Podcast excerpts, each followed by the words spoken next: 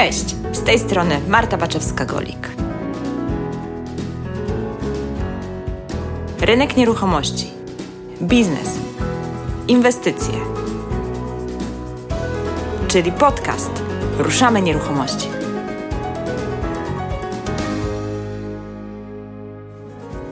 Cześć. Witam Cię w kolejnym deweloperskim odcinku z Tomkiem Stawiarzem. W poprzednim, 95. odcinku zastanawialiśmy się z Tomkiem, jak wybrać działkę pod deweloperkę. A tym razem weźmiemy pod lupę technologie budowlane. Myślę, że ten odcinek zaciekawi każdego, kto planuje rozpocząć budowę dla siebie lub planuję budować dla innych. Od razu też powiem i się tak trochę wytłumaczę, że w poprzednim odcinku obiecałam wysłać maile z przygotowanym e-bookiem przez Tomka. Jednak moja skrzynka została zasypana wiadomościami od Was i takiej ilości maili naprawdę się nie spodziewałam, także jest mi bardzo miło i od razu przyznaję się bez bicia, że najzwyczajniej w świecie nie dałam rady do Was tego wszystkiego wysłać ręcznie. Dlatego teraz, przy okazji tego odcinka, postanowiłam się poprawić mm, i to trochę zautomatyzować, tak żeby to szło sprawniej, ale tak żeby to też mi nie zabierało e, naprawdę dużej ilości czasu. I jeżeli nadal chcesz pobrać ten e-book, a nie dostałeś ode mnie maila, albo po prostu słyszysz o tym pierwszy raz, to Tomek przygotował materiał, który nosi tytuł 7 grzechów początkujących deweloperów. Jeżeli tematyka deweloperska Cię interesuje, to koniecznie, ale to koniecznie wejdź na stronę www.ruszamynieruchomości.pl ukośnik RN101. To jest adres do tego odcinka do odcinka numer 101 podcastu Ruszamy Nieruchomości i tam w opisie tego odcinka znajdziesz link, gdzie możesz pobrać ten materiał. Osobom, które do mnie napisały, postaram się ten link przesłać e, mailem, aczkolwiek no, nie wiem, czy uda mi się do wszystkich odpisać. Dlatego, jeżeli napisałeś do mnie maila e, w tej sprawie i zależy Ci na tym e-booku, to najszybciej będzie, jak sam po prostu wejdziesz na stronę z tym odcinkiem www.ruszamynieruchomości.pl ukośnik RN101 i pobierzesz go sobie z tej strony. Tam będzie link, będzie jakąś grafika, znajdziesz też radę to pobrać. Przepraszam za tą sytuację, ale naprawdę nie sądziłam, że spłynie tak wiele zapytań i najzwyczajniej w świecie przeliczyłam swoje możliwości odpowiadania na te maile. Dlatego teraz wszystko jest już zautomatyzowane i gotowe do pobrania, także wystarczy, że wejdziesz na opis tego odcinka na stronę Ruszamy Nieruchomości i po prostu ściągniesz sobie ten PDF. Cześć Tomku! Witaj Marta, cześć. Jak miło, że wpadłeś znowu ponownie do podcastu Ruszamy Nieruchomości i tym razem jak miło, że nagrywam, bo od razu na wstępie możemy tutaj powiedzieć taką małą anegdotę. Jak to szewc bez butów wchodzi, Marta, który nagrywa już, nie wiem, setny prawie odcinek, mhm nie włączyła nagrywania. Zdarza się nawet najlepszym, słuchaj. Zdarza się, zdarza. My dzisiaj kontynuujemy nasz temat deweloperski. Nasz poprzedni odcinek e, z Tomkiem właśnie dotyczył działek, jak, je, jak dobrać, jak wybrać działkę, żeby, żeby faktycznie się opłacało na niej budować. O. Mhm. Więc jeżeli e, jeszcze nie słuchałeś tego odcinka, to bardzo zachęcam do tego, żebyś się odsłuchał. A dzisiaj kolejna dawka wiedzy od mojego specjalisty, od Tomasza, który zajmuje się właśnie inwestycjami deweloperskimi. Tomku, czy możesz dla tych, co nie słuchali Ciebie, jeszcze nie wiedzą, kim jesteś, się przedstawić i powiedzieć kilka słów o sobie? Witajcie, ja nazywam się Tomasz Stawiasz i właściwie nieruchomościami zajmuję się od 10 lat. Początkowo to było biuro nieruchomości, później zacząłem kupować, sprzedawać nieruchomości, prowadziłem firmę budowlaną. Teraz zajmuję się projektami deweloperskimi. Właściwie to jest mój gdzieś tam naturalny rozwój i jak rozmawiam z inwestorami, którzy przeszli jedno, drugie, trzecie szkolenie odnośnie inwestowania w nieruchomości, zrobili przykładowo 10 flipów, 20 flipów i więcej, to nagle myślą sobie, ok, rynek się zmniejszył, albo jest tak duża konkurencja, że chcą zrobić coś więcej. I to jest taka naturalna kolej rzeczy, że zaczynamy przechodzić na projekty deweloperskie. I te projekty deweloperskie, po pierwsze, można sobie kształtować, po drugie, też nie ma takich gdzieś tam idealnych działek czy projektów. Ktoś tam do mnie pisze, słuchaj, masz jakiś projekt, który mógłbym wykorzystać? No, ja zawsze mówię, że projekt właściwie się dobiera do działki, tak? Każdy każda działka to jest inny E, nie da się zastosować e, tego samego projektu do każdej nieruchomości. E, tak jak niektórzy próbują zrobić jeden projekt w całej Polsce, no tak to nie działa, tak? bo to są różne specyfikacje i każda działka ma inne ukształtowanie, inne położenie, inne naświetlenie, inne kierunki świata, więc y, trzeba dobrać odpowiedni projekt i to już się pracuje z architektem, tak? Zdecydowanie, poza tym no, działki są różne, wymagają różnych rzeczy, także na pewno na pewno jest tak, że, że jeden projekt zastosować wszędzie jest ciężko, aczkolwiek może próbują. A dzisiaj w ogóle też nagrywałam przed Tobą, przed spotkaniem z Tobą podcast z Moniką, która jest szefową Oto Dom Polska. Mhm. I właśnie tak zadała mi pytanie, jak tam, czy oni jako portal odczuwają wzrost tych inwestycji deweloperskich. Mówi, że jest ich bardzo dużo i w ogóle jest bardzo zdziwiona i zaskoczona, że jest naprawdę mają wysyp takich małych inwestycji, właśnie takich małych, początkujących deweloperów, to świadczy o tym, że faktycznie to, co mówisz, jest prawdą. Coraz więcej osób, które e, inwestuje w nieruchomości, gdzieś tam w pewnym momencie uderza no właśnie w te inwestycje deweloperskie. Oczywiście one są na początku nieduże, małe, ale wiadomo, że to może z czasem urosnąć. No dobra, Tomek, dzisiaj na czym się skupiamy? Dzisiaj się będziemy skupiać na budowach i jakie są budowy, w jakim systemie budować, co się lepiej opłaca, lepiej się kalkuluje. Oczywiście poruszymy tutaj gdzieś tam kwestie ogólne, bo e, o tym moglibyśmy mówić e, trzy dni wykładowe z różnymi specjalistami, z architektami, z firmami budowlanymi. Natomiast nie mamy tyle czasu. Rozumiem, że parametrów stali nie będziesz podawać. nie będę podawać, tak. Okej, okay, Tomek, dobra, to zacznijmy może od początku. Postarajmy się jakoś usystematyzować, bo tych sposobów budowania domów jest mnóstwo. Tak. Ja nawet widziałam takie, wiesz, że wraca moda do takiej ekologicznej le lepianki z gliny. Mm -hmm. Więc jak ktoś chce. A miałam kiedyś też klientkę, która wybudowała mm, dom, ona była taka mega proekologiczna i wybudowała dom z opon. O. Starych. E, jakoś to tam czymś, ona mi tłumaczyła, jak to było robione. Nie mam pojęcia, ale faktycznie zrobiła ten dom z tych opon. Więc e, pomysłów na budowę jest dużo. My o takich może skrajnych i szalonych dzisiaj nie będziemy mówić, więc może zapytam, jakie są najczęściej wybierane technologie budowy? To znaczy tak, jeżeli y, mówimy o deweloperce, to dominuje budownictwo tradycyjne, tak? I teraz każde nowe budynki muszą mieć e, świadectwo charakterystyki energetycznej, co powoduje, że e, wymusza pewne zmiany i narzuca pewne standardy. I prawdą jest to, że bodajże od 2020 roku starsze budownictwo też będzie to obowiązywać. Niektórzy mówią, że tych starych domów się nie będzie kalkulowało sprzedawać czy ten rynek gdzieś tam siądzie. Po części coś w tym jest, bo chodzi o nakłady energetyczne. Natomiast jeżeli mówimy o budownictwie i w jakich technologiach, no to możemy wyróżnić kilkanaście, tak? Takie budownictwo szkieletowe, czyli w systemie drewnianym. Tutaj jeżeli chodzi o... Bardziej to robią klienci dla siebie już, tak? Którzy... Indywidualnie Domy jednorodzinne. Zgadza się. W Szwecji mieszkali generalnie e, w Skandynawii, w Kanadzie, gdzie ten system jest bardzo popularny.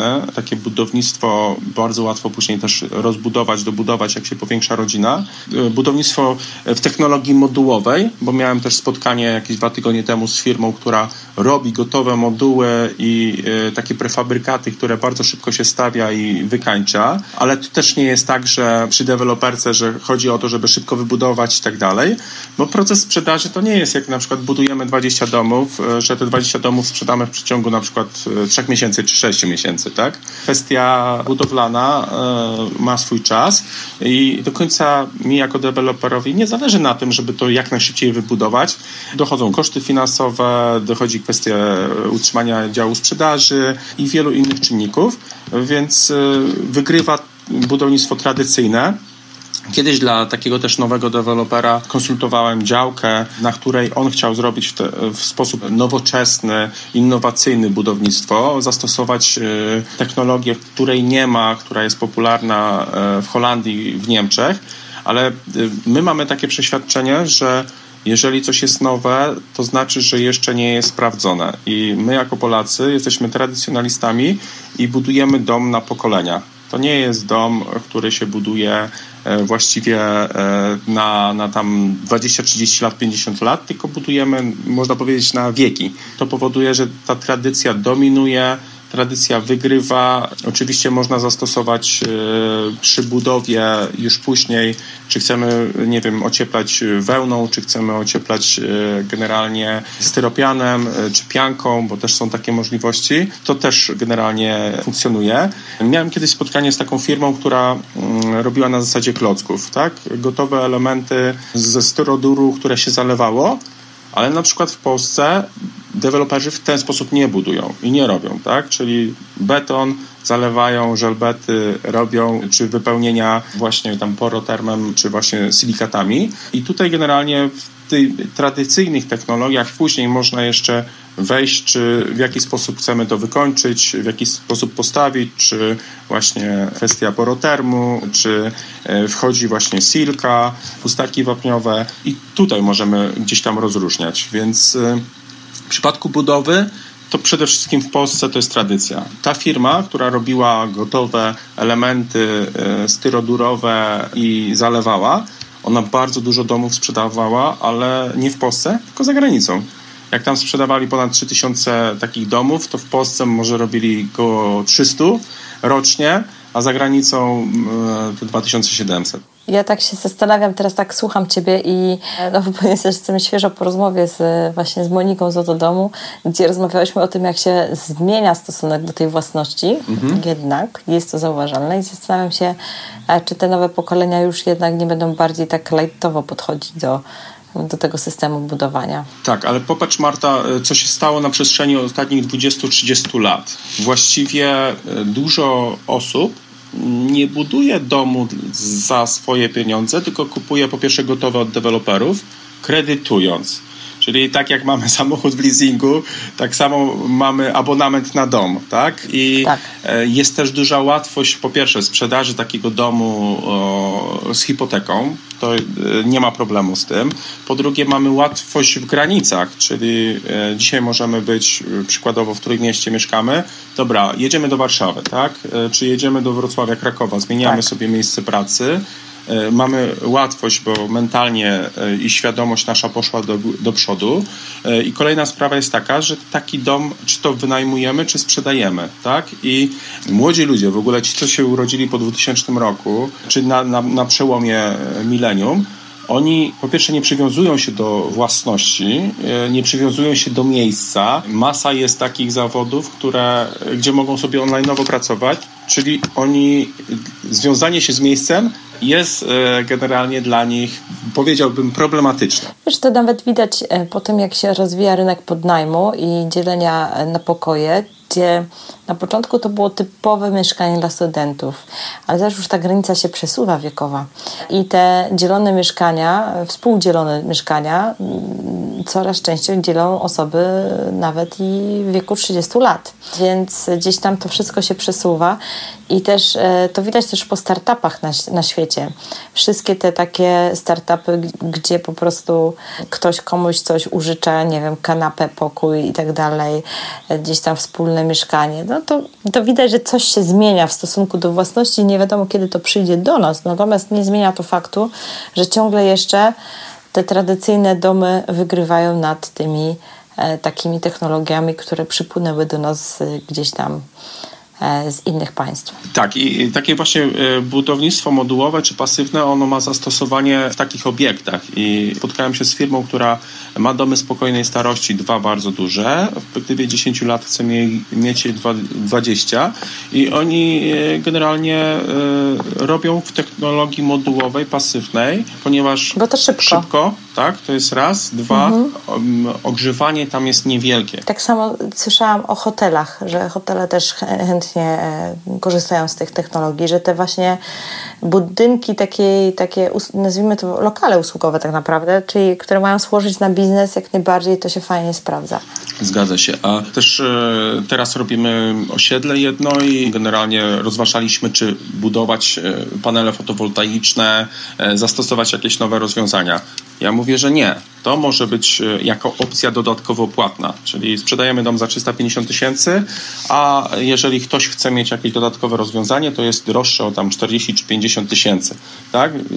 W związku z tym dajemy klientowi wyboru, E, oczywiście on może na przykład wziąć tą opcję i później, nie wiem, ten system sobie rozłożyć na raty, tam 10 czy 15 lat i płaci, nie wiem, 300 zł czy 400 zł miesięcznie więcej, ale ma e, dom w takiej technologii, e, powiedzmy, po części pasywnej. Wracając do tych technologii, no to jednak to jest stara technologia, która dominuje, zmieniają się parametry, zmieniają się materiały ze względu na szybkość, czy ze względu niekiedy na cenę które możemy użyć e, przy takich budowach, ale jak nieraz wiesz, jedzie się przez miasto i się widzi, w jaki sposób to jest robione, to kiedyś e, te budynki z płyty były e, gdzieś tam robione generalnie składane na miejscu, a teraz też jest żelbet, który ogólnie panuje i jest to robione. Wypełnienia są powiedzmy ceramiczne, tak? A właściwie to jest technologia podobna tej ramy H, którą się stosuje przy budynkach i to się robi. I generalnie jest to szybko też. Tak, zwłaszcza przy tych, tych wysokich e, budynkach, nie? Tak. wielopiętrowych. Tak. To jak najbardziej, to, tam, to widać, jak oni to składają.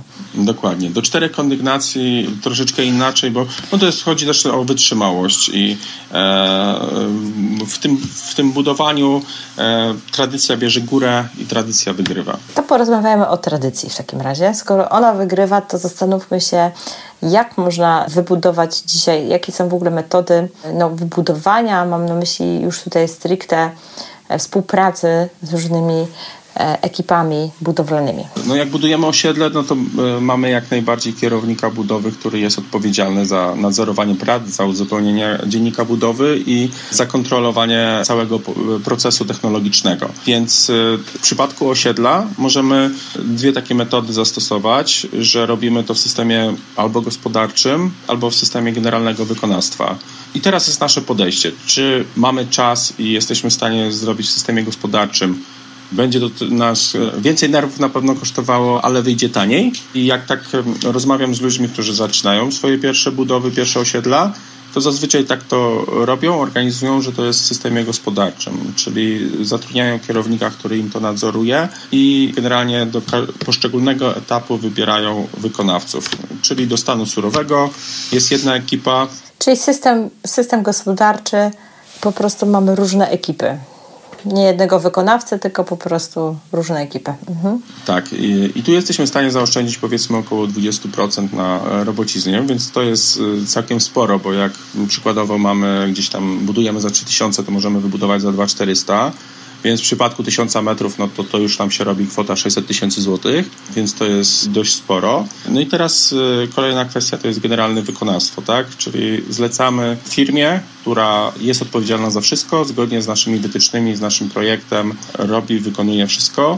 E, w przypadku generalnego wykonawstwa jest tak, że firma właściwie nas przez 2-3 miesiące kredytuje, ponieważ ona zamawia materiały, ona e, buduje i w przypadku kredytowania przez bank też generalny jest weryfikowany przez bank, że on ma po pierwsze uprawnienia, kompetencje, po drugie jest w stanie uciągnąć budowę, bo niekiedy to jest tak, że przerób jest przykładowo 300-500 tysięcy złotych miesięcznie, czy on e, ma takie możliwości. Niekiedy można powiedzieć, że gdzieś tam nas po części kredytuje. W ten sposób niektóre osiedla powstają, że siła generalnego powoduje, że bank na nas przychylniej patrzy, przynajmniej przy tych pierwszych projektach deweloperskich, które wykonujemy, bo to bank zawsze sprawdza, jaką mamy historię i jakie mamy umiejętności, czy już coś robiliśmy, czy nie. I przy pierwszych gdzieś tam projektach, no to to jest też tak, że w granicach 50-60% bank jest nam w stanie skredytować na przykład takie budowy. Super. A powiedz mi w takim razie, a jakie są jeszcze, wiesz, takie, no różnice to wiemy na czym to polega, ale plusy wynikające z jednej lub z drugiej współpracy i minusy,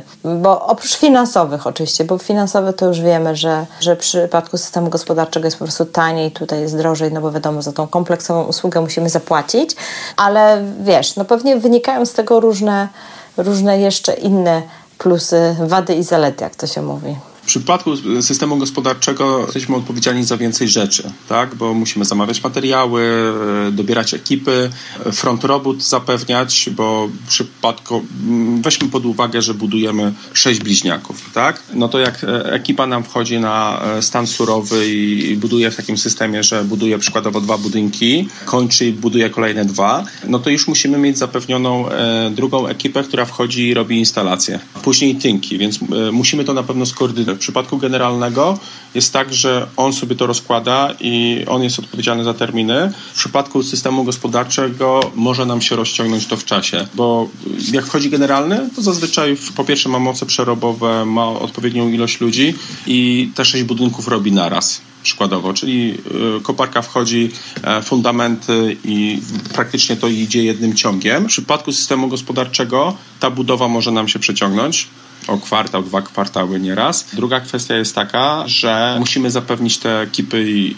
i ciągłość im pracy. Koordynacja, uważam, że więcej stresu i więcej problemów jest przy systemie gospodarczym jeżeli jesteśmy małymi deweloperami, no to zaczynamy i patrzymy na te koszty generalnie, w jaki sposób, jak one wyglądają. W przypadku prowadzenia dwóch, trzech, czterech inwestycji na raz, nie jesteśmy w stanie robić na zasadzie systemu gospodarczego. Jest to e, po pierwsze e, czasochłonne, tak jak robimy przykładowo trzy albo pięć flipów na raz, no to koordynacja tych działań już musimy zatrudnić kogoś e, technicznego, inżyniera, który będzie nadzorował te ekipy, czy będzie odpowiedzialny za zamówienia, wiele innych czynników, tak? Wchodzimy już w procesy koordynacyjne i my na przykład, nie wiem, tylko negocjujemy zakupy nieruchomości czy sprzedaży i mamy jakąś tam odpowiedzialną, odpowiedzialną funkcję. W przypadku osiedli, e, jeżeli robimy dwa, trzy, więcej inwestycji na raz, system generalny ułatwia nam to. Tak, bo cedujemy pewne rzeczy. W przypadku systemu gospodarczego nie jesteśmy w stanie w systemie gospodarczym do czterech projektów na raz. Jasne. Słuchaj, to powiedz w takim razie, jak wybrać takiego e, generalnego wykonawcę? Ja zawsze się posiłkuję historią, tak? Jego referencjami, e, co on już zrobił, czy podoła, jakie projekty robił najważniejsze. Staram się też rozmawiać z inwestorami, którzy zlecali mu pracę. Dostaję bardzo często i bardzo dużo takich osób, e, gdzieś tam referencje i kontakty, namiary na nich. Zazwyczaj robię przy przypadku budowy osiedla taki, można powiedzieć, przetarg, gdzie muszę mieć dwie, trzy oferty, żeby sobie porównać. Nie zawsze się kieruję ceną. To jest kwestia ich referencji kwestia czasu. W jakim czasie są w stanie to wykonać, tak? Bo w przypadku małego osiedla mówimy powiedzmy tam czas około 18 miesięcy. Niektórzy mogą to zrobić w ciągu 21 miesięcy, czy tam 24. Cena nie zawsze jest kluczowa, bo E, powiedzmy jest różnica tam 50-100 tysięcy złotych przy większym, przy tam średnim e, osiedlu, ale jest kwestia czasu, że oni są w stanie wcześniej to oddać, wcześniej skończyć. Więc tutaj jest dla mnie taki wyznacznik e, kwestia terminu. To weryfikuję przy innych inwestycjach, czy w terminie oni skończyli inwestycje, bo wiesz, rozpocząć inwestycje i się nam coś przesuwa, to jeżeli ty się umawiasz z klientem, który kupuje e, na to, że będzie oddane na przykład w trzecim kwartale 2020 roku, a nie dowozisz tego terminu, to jest problem. I klient może e, wypowiedzieć umowę, mm, żądać od nas odszkodowania. Druga kwestia, trzeba z bankiem to ustalać, negocjować. Masę problemów e, to robi, tak? I tak jak generalny mi mówi, dobrze, oddaję wtedy i wtedy, zawsze jakąś tam, bynajmniej ja w e, prospektach informacyjnych dokładnie e, te 2-3 miesiące nieraz e, daję poprawki na to, żeby to było czas, bo nie wiem, pogoda, popatrz teraz, mamy 30 praktycznie 5 stopni i zgodnie z prawem pracy no, ludzie nie są w stanie pracować w takich warunkach. I to powoduje, że są pewne obsuwy opóźnienia, tak? Nie ma jakichś mocnych zim u nas. Mam znajomego, który ma betoniarnię i on miał przestoju 2-3 dni w ciągu roku ze względu na, na mrozy, ale e, trzeba przyjąć, że upały mogą zakłócić e, na przykład oddanie i e, wiesz, w takim procesie 18 miesięcy może na przykład nam wyskoczyć 2-3 tygodnie takie, gdzie ci pracownicy fizyczni nie są w stanie być y, na budowach. W przypadku y, na przykład stanu surowego, nie wiem, robienia dachu, i wielu innych rzeczy. Tak, jak sobie Ciebie słucham, to sobie tak myślę, że tak naprawdę to ci początkujący inwestorzy to może właśnie powinni korzystać z tego generalnego wykonawcy, ale wiadomo, że tutaj cena robi swoje. Chociaż z drugiej strony, jeżeli się wezmę za system gospodarczy, to być może trochę stresu i nerwów się najem, ale więcej się dowiem i nauczę. Na pewno się można dużo więcej nauczyć, tak, poznać proces technologiczny, e, dużo więcej zrozumieć, albo e, później e, co zastosować, jak zastosować, żeby pewne procesy przyspieszyć, albo zaoszczędzić na niektórych rzeczach, tak. To jest kolejny gdzieś tam plus takiego systemu. Zapytam Cię jeszcze w takim razie o jedną rzecz związaną z budowaniem, a właściwie kosztem budowy. Wszyscy trąbią wszędzie naokoło, że te skoki cen usług budowlanych, materiałów budowlanych poszły bardzo mocno do góry. Szacuje się, że to jest na poziomie 20-30%, a może więcej, nie wiem. Jak to się przełożyło na koszt y, właśnie budowy z metra? Wiesz co, w przypadku domków, bliźniaków trzeba zakładać tak do 3000 zł za metr, tak? E, i to są takie koszty bardzo realne. Uważam tak samo, że ten rynek nieruchomości i ceny na rynku nieruchomości pójdą w górę. Dlaczego? Deweloperzy, którzy obecnie sprzedają gotowe produkty, ich kontrakty były sprzed na przykład dwóch, trzech lat. Mogą sobie pozwolić na to, żeby w niższych cenach sprzedawać. Natomiast te ceny cały czas rosną i będą rosły i niektórzy jak pytają, czy teraz kupować, czy dopiero za rok, za dwa, czy kiedy ten kryzys będzie, no po pierwsze, uważam, że ceny idą w górę materiałów i robocizny, w związku z tym ceny też pójdą w górę i za rok te ceny będą 20-30% wyższe niż obecnie, ale do czego zmierzam? Na jednym osiedlu dwa lata temu mieliśmy cenę 2300 za metr, a teraz mamy 2900. Praktycznie te same budynki, więc ceny też pójdą w górę. Natomiast w przypadku budowy, budowy bloków, e, no to, to trzeba liczyć między 3, 3,5 a 4 jeżeli schodzimy w głąb, mamy dodatkowe 500 tysięcy złotych do metra,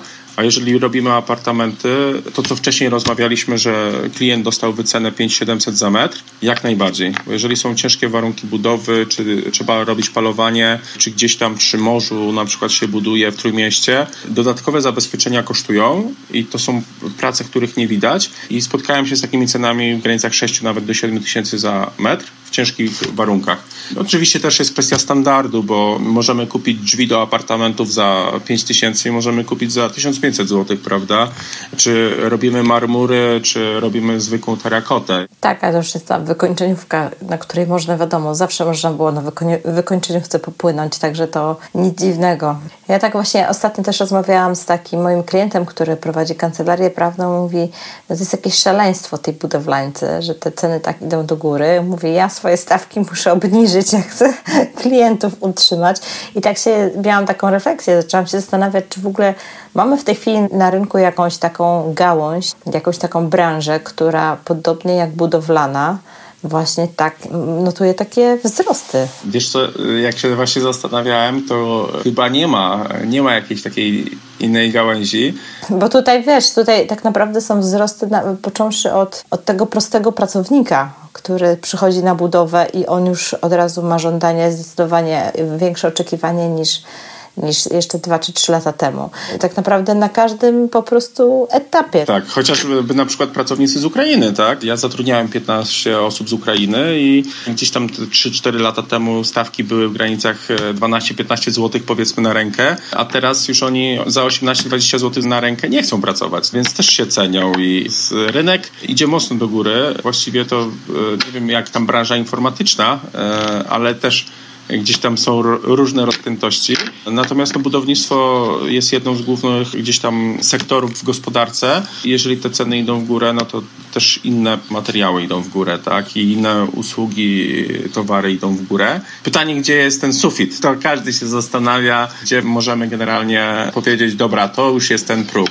Aczkolwiek e, tydzień temu byłem w Londynie i byłem tam na konferencji. Rozmawiałem właśnie z jedną inwestorką na rynku brytyjskim. Uważam, że ceny w ogóle Warszawie. Nie chcę porównywać e, cen na przykład naszej stolicy do stolicy Wielkiej Brytanii, ale porównując na przykład do Pragi, do Niemiec, do Berlina, to uważam, że to są niskie ceny. Praga, która jest dwa razy mniejsza od Warszawy, ma dużo wyższe ceny niż Polska. Jesteśmy w tej samej przestrzeni geograficznej. Gdzieś tam ta przestrzeń jest. Ja rozmawiałam ostatnio z takim rzeczoznawcą i tak się pytam o jego odczucia. A mówi, wie pani co, no te ceny na pewno będą spadać. To w ogóle bez wątpienia, one będą spadać, ale wie pani co, teraz ciągle rosną. Bo na tą bańkę i na ten spadek cen to czekamy już, ja słyszę od co najmniej kilku lat. Ten temat się wraca jak bumerang a, a ciągle nie wiadomo, kiedy nastąpi. Ale Marta, popatrz, ceny sprzed 2008 roku, 9, na dobrą sprawę poszły w górę o 35%. No są wiadomo miejsca, gdzie poszły 100% w górę, e, bo tam były miejsca niedoszacowane i tak dalej. Poszły tylko 35%, a na przykład nasze zarobki, e, czy powiedzmy, gdybyśmy porównywali średnią krajową, czy minimalną krajową, ponad 200%. Na rynku nieruchomości obecnie dwie trzecie nieruchomości jest kupowanej za gotówkę, a tylko jedna trzecia jest kredytowana, więc jeżeli by był jakiś kryzys finansowy, to nie wpłynie aż tak znacznie na generalnie sytuację czy transakcje na rynku. Bardziej pewnie kwestia chodzi mentalna, że o, będzie, nie wiem, kryzys, to mentalnie ludzie powiedzą, dobra, to trzeba przystopować z inwestycjami. Mm, troszkę tak jak w Wielkiej Brytanii Brexit jest tym straszakiem, nie? Mhm. I tam faktycznie odczuwalne jest spowolnienie teraz, bo każdy się boi, co będzie z tym Brexitem, nie? No my nie mamy takiego straszaka, ale jakby się pojawił, to pewnie też by coś tam może to wpłynęło. No nie wiem, trudno. Nikt z nas szklanej kuli nie ma. Jak to będzie, nie wiadomo. Prawda jest taka, że ceny kiedyś pewnie spadną, no bo taka jest e, specyfika rynków ekonomicznych, gospodarczych, że wszystko co rośnie, to musi zacząć spadać, natomiast póki co ciągle rosną. Ja jedynie gdzieś tam taką podpowiedź e, moim uczniom czy osobom, z, którą, z którymi współpracuję, które szkole, zawsze mówię tak, że nie trzeba patrzeć przez swój pryzmat, tylko przez to, co jest na rynku. Bo jeżeli na przykład, wiesz, e, nieraz trafiają do mnie takie osiedla, gdzie są zaprojektowane domy 150-250 metrów, nawet pod Warszawą, no ja mówię, wiecie co, no, ten produkt się nie przyjmie. Dlaczego? No bo mamy rodzinę 2 plus 1, 2 plus 2 przykładowo, tak? Więc e, po co nam 8 sypialni czy 6 sypialni, wielki salon, jak tam będzie tylko 2-3 osoby mieszkać, tak? A poza tym ludzie, to co wcześniej mówiliśmy, że jest taka otwartość, e, ciężej jest sprzedać e, większą, większą nieruchomość z większym metrażem, bo jest ograniczona liczba tych klientów. Coś, co jest małego, zgrabnego, w przystępnej cenie jest później łatwo zbywalne. Tak samo jak z kawalerkami. Tak, myślę, że, że, że z racji tego, że jednak już nie budujemy tych domów wielopokoleniowych, w sensie nie mieszkamy z rodzinami, babcia, dziadek, rodzice i my i jeszcze potem nasze dzieci, to, to nie ma potrzeby już takich wielkich domów, po prostu ja też uważam, że takie domy do 150 metrów to jest maks. No to, to bym powiedział jest dużo. 120 metrów, tak? Taka średnia to już jest ok. Tak, 120 to jest e, optymalne, nie? Ale takie 140, 150 to już jest ten taki bardziej klient luksusowy, bardziej wymagający, nie? Gdzie tam chce mieć jakąś większą garderobę, większy garaż, jakieś coś tam, nie? Mhm. Także tak to wygląda. No dobra, Tomku, myślę, że chyba ten temat dzisiaj żeśmy wyczerpali. Mm, o czym będziemy rozmawiać następnym razem? Wiesz co, możemy mówić tak samo już o kwestia e, produktu do danego rynku, kwestia właśnie rozróżnienia tych domów i co jest na dzień dzisiejszy najlepszym generalnie produktem. Tak bym widział jak ten produkt kształtować tak samo. Super. Myślę, że to będzie fajny kolejny odcinek, także spodziewajcie się w lipcu. Nagramy kolejny odcinek o tym, jak dostosować produkt deweloperski do, do Twojego rynku. Dobry temat wymyśliłyśmy. Także zapraszamy i co, życzymy Wam udanego dnia, udanych przemyśleń deweloperskich. Tak jest. Dziękuję i pozdrawiam. Dzięki. Cieszę się, że mogłam dostarczyć Ci kolejną dawkę nieruchomościowej wiedzy. Ostatnio poznałam bardzo sympatycznego, początkującego podcastera, który na wiadomość, że nagrałam 100 wywiadów, powiedział tylko jedno słowo: szacun. Tak sobie myślę, że faktycznie 100 wywiadów daje dość imponujący przegląd osób ze świata nieruchomości. Każdy z nich robi coś zupełnie innego w tej branży. Każdy z nich dzieli się swoim takim subiektywnym doświadczeniem i cieszy mnie niezmiernie fakt, że ciągle poznaję nowe osoby chętne do rozmowy, chętne do dzielenia się swoim własnym pomysłem na nieruchomości. Tomek uważam, że robi świetną robotę w kwestii deweloperskiej, dlatego jeżeli zgadzasz się ze mną, że to jest kolejny dobry odcinek na tematy budowlane, to udostępnij proszę ten odcinek.